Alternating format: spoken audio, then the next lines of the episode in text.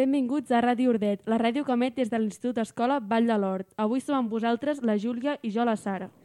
Avui tindrem l'oportunitat d'entrevistar la Selena Soro, una escriptora que recentment ha publicat el seu primer llibre, Misteris de la boira, una novel·la fantàstica que no deixarà indiferent a ningú, la qual parla d'un lloc on està prohibit estimar, i una noia que haurà d'estar disposada a prendre decisions difícils. En aquesta entrevista esbrinarem algunes curiositats sobre el llibre i, si podem, algunes novetats que segur que no ens perdrem.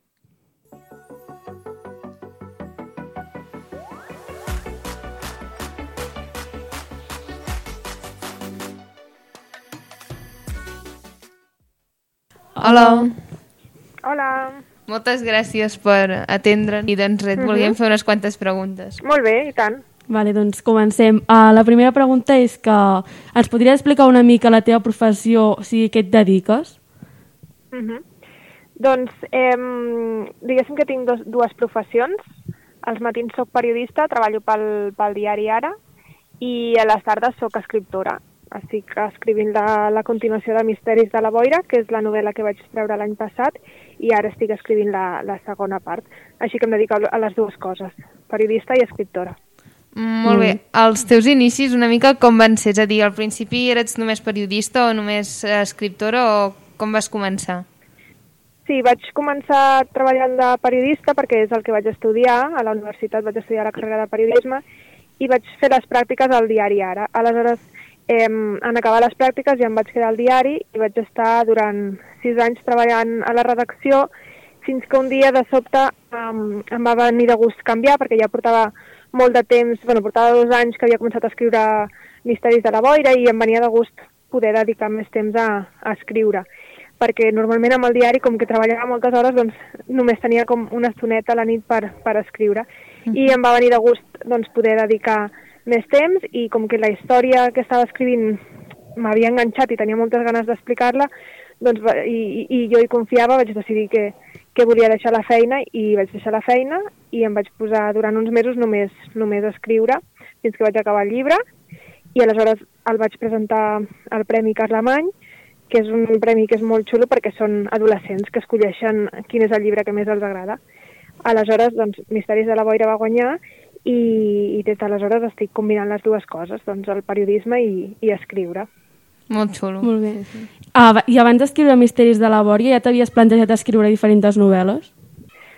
Sempre escric des de petita. L'únic que mai havia acabat res. Però tenia molts contes escrits, molts principis de novel·la, no havia acabat mai res. De fet, Misteris de la Boira està basat en un conte que vaig escriure a l'institut quan tenia 12 anys. Mm.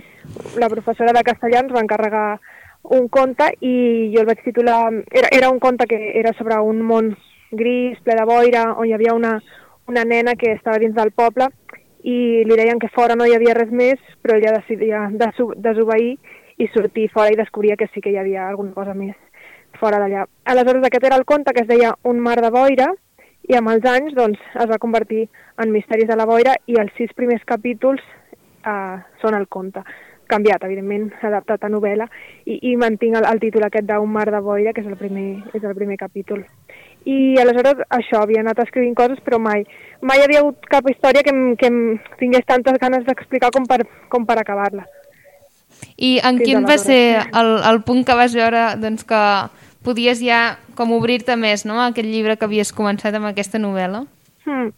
Doncs em va passar, um, quan vaig començar a escriure'l, va ser perquè havia estat llegint durant les pauses a l'hora de dinar a la redacció, em vaig començar a, a rellegir alguns dels llibres que m'havien agradat més quan era adolescent, no? Doncs em vaig tornar a llegir la saga Harry Potter, em vaig llegir la trilogia de La matèria, la matèria obscura, i vaig com això, llegir els llibres que m'havien agradat molt d'adolescent. Momo, de Michael Ende. Aleshores va ser quan vaig començar a escriure, no? I al cap de dos anys d'estar escrivint, um, em va passar que em vaig, uh, vaig tornar a llegir aquest que us deia de, de Momo, de Michael Ende, que no sé si el coneixeu, però és, és una història que tracta sobre l'ús del temps.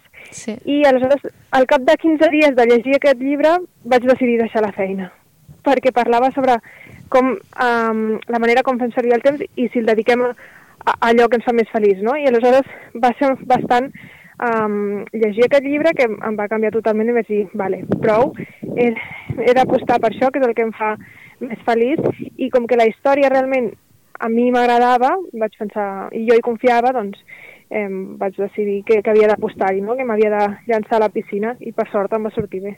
És a dir, va ser un llibre el que et va fer repensar no? el, el que tu realment Exacte. volies. Sí, sí. Momo jo crec que és un llibre que si llegeixes, algun canvi a la, a la teva vida has de fer. Hi ha llibres que et canvien, no? I, i crec que Momo és, és un d'ells. Molt bé. Uh, ens pots explicar com funciona una mica el tema de publicar un llibre? O sigui, quan comences a escriure el llibre fins que surt al mercat, com és aquest, aquest procés? Clar, depèn molt de quin camí agafis, no? Per exemple, si ja tens una editorial i ja, ja ets algú conegut, doncs és, és un procés que funciona d'una manera. En canvi, per exemple, si et presentes a un premi, doncs és un procés encara més llarg perquè, uh, per exemple, jo em vaig presentar al, al juny de 2019 al premi i fins al 2020 no deien el guanyador. Aleshores va passar tot aquest temps, el 2020 doncs eh, sí que ja es deia qui havia guanyat el premi i aleshores començava també un procés de, ja, en contacte amb l'editorial, doncs un procés de revisió, no? Doncs la meva editora, la Glòria Gasc, es va llegir um, Misteris de la Boira i em va fer comentaris de quines coses es podien millorar, no? Doncs mira, aquest personatge és molt xulo, podries aprofundir una miqueta més en aquest personatge. Aquesta part estaria millor si la retallessis. Aleshores hi ha tot aquest procés d'edició, no? Un cop uh, ja està aquest, uh, aquesta, aquesta revisió, doncs passa a correcció i tot el procés de maquetació i tot això, i finalment doncs, la, la publicació. Per tant, és un procés llarguíssim. Des de que vaig acabar el llibre el, el 2019 fins que es va publicar, doncs, clar, va passar de temps. I a més amb la pandèmia es va endarrerir la publicació. Encara es va allargar més. Mm. I en general és un, és un procés lent. Les editorials treballen amb molt temps d'antelació i ara que estic acabant la segona part de Misteris de la Boira, doncs segurament uh, si l'entrego aquest any, fins al següent o, o el següent no, no sortirà. És un procés lent. Sí, sí. Tal com ens has comentat, eh, has guanyat el Premi Carlemany amb el teu primer llibre. Com, com ho valores? Com t'has sentit al rebre aquest premi? Mm. Clar, em va fer molta il·lusió perquè justament són el, el, és el públic mateix no? que ho decideix. Són, jo vaig escriure aquesta història, Misteris de la Boira, que va sobre un món on està prohibit estimar i la protagonista és, és un adolescent. Aleshores, el meu públic sí que jo pensava bastant en, la, en els adolescents. Aleshores, que fossin els mateixos que diguessin que aquella història era la que més m'agradava de totes les que s'havien presentat, doncs molt contenta, evidentment, i més perquè havia fet una aposta bastant arriscada, no?, de deixar-ho tot per, per escriure, i per tant, eh, molt contenta, i a més també perquè um, el llibre toca alguns temes que són delicats o difícils i alguns temes foscos, i que els adolescents, doncs, això ho entenguessin i els agradés, també em va fer sentir bé, perquè vaig pensar, mira, els adolescents són persones intel·ligents i se'ls pot tractar com a, com a tals i, i, i amb temes adults, i això crec que està molt bé.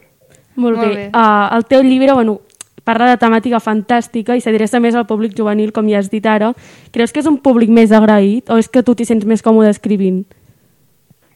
Crec que és perquè a mi és el que m'ha fet més feliç de llegir. La fantasia és el que em fa més feliç de llegir, tot i que llegeixo de tot. Els meus llibres preferits, si, és a dir, si me n'anés a una illa deserta i només me'n pogués endur tres o quatre, doncs segurament serien llibres de fantasia. Perquè crec que són els que et fan viure més emocions, no? I és, és com un viatge. Llegir fantasia és com un viatge. I a mi que m'agrada molt viatjar, doncs a la fantasia això m'ho dona.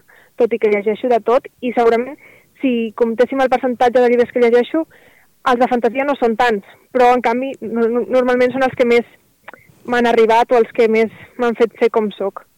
I a part d'això, t'agradaria publicar llibres adreçats a un públic més adult o a diferents gèneres?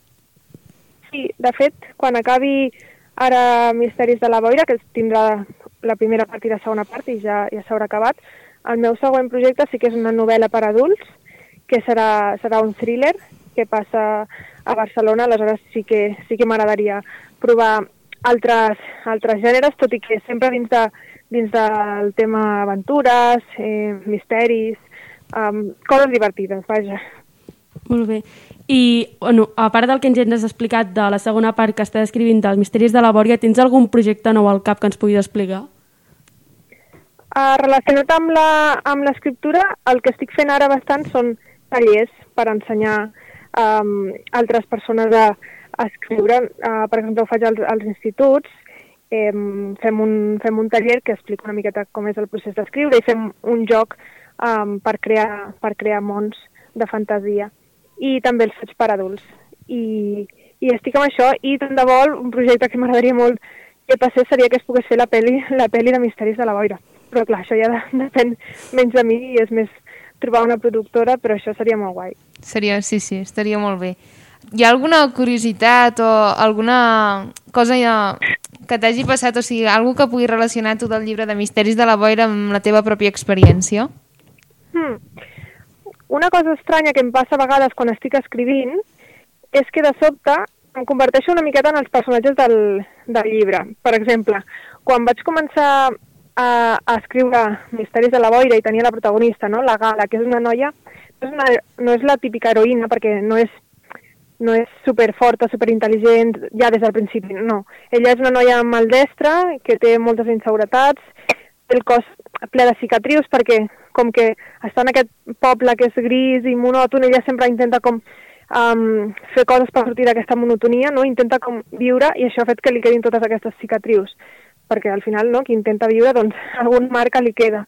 Aleshores, eh, ella que és, que és la, la protagonista eh, té, totes, té, té totes aquestes, aquestes inquietuds, no? Quan estava escrivint el personatge de la gala, de sobte em vaig començar a tornar supermaldestra jo també, i anava caminant i, i, i m'ensopegava per tot arreu, em donava cops, o sigui, va ser com que de sobte em vaig convertir una miqueta en el, en el personatge, és a dir, no és que jo fos d'aquesta manera i el personatge ho, ho acabés sent, sinó que quan l'escrivia, de sobte eh, se'm van contagiar coses del, del personatge, i m'ha passat també amb algun altre personatge.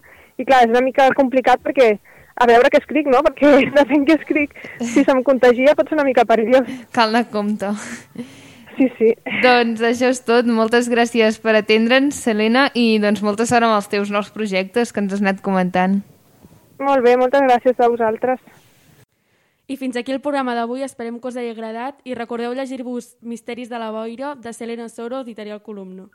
I doncs també ens agradaria fer un especial agraïment a totes les nostres companyes que no se senten les seves veus però estan darrere els equips de so o ajudant amb diferents aspectes del programa. I bé, també en recordeu a seguir-nos al nostre Instagram, arroba Radio Ordet.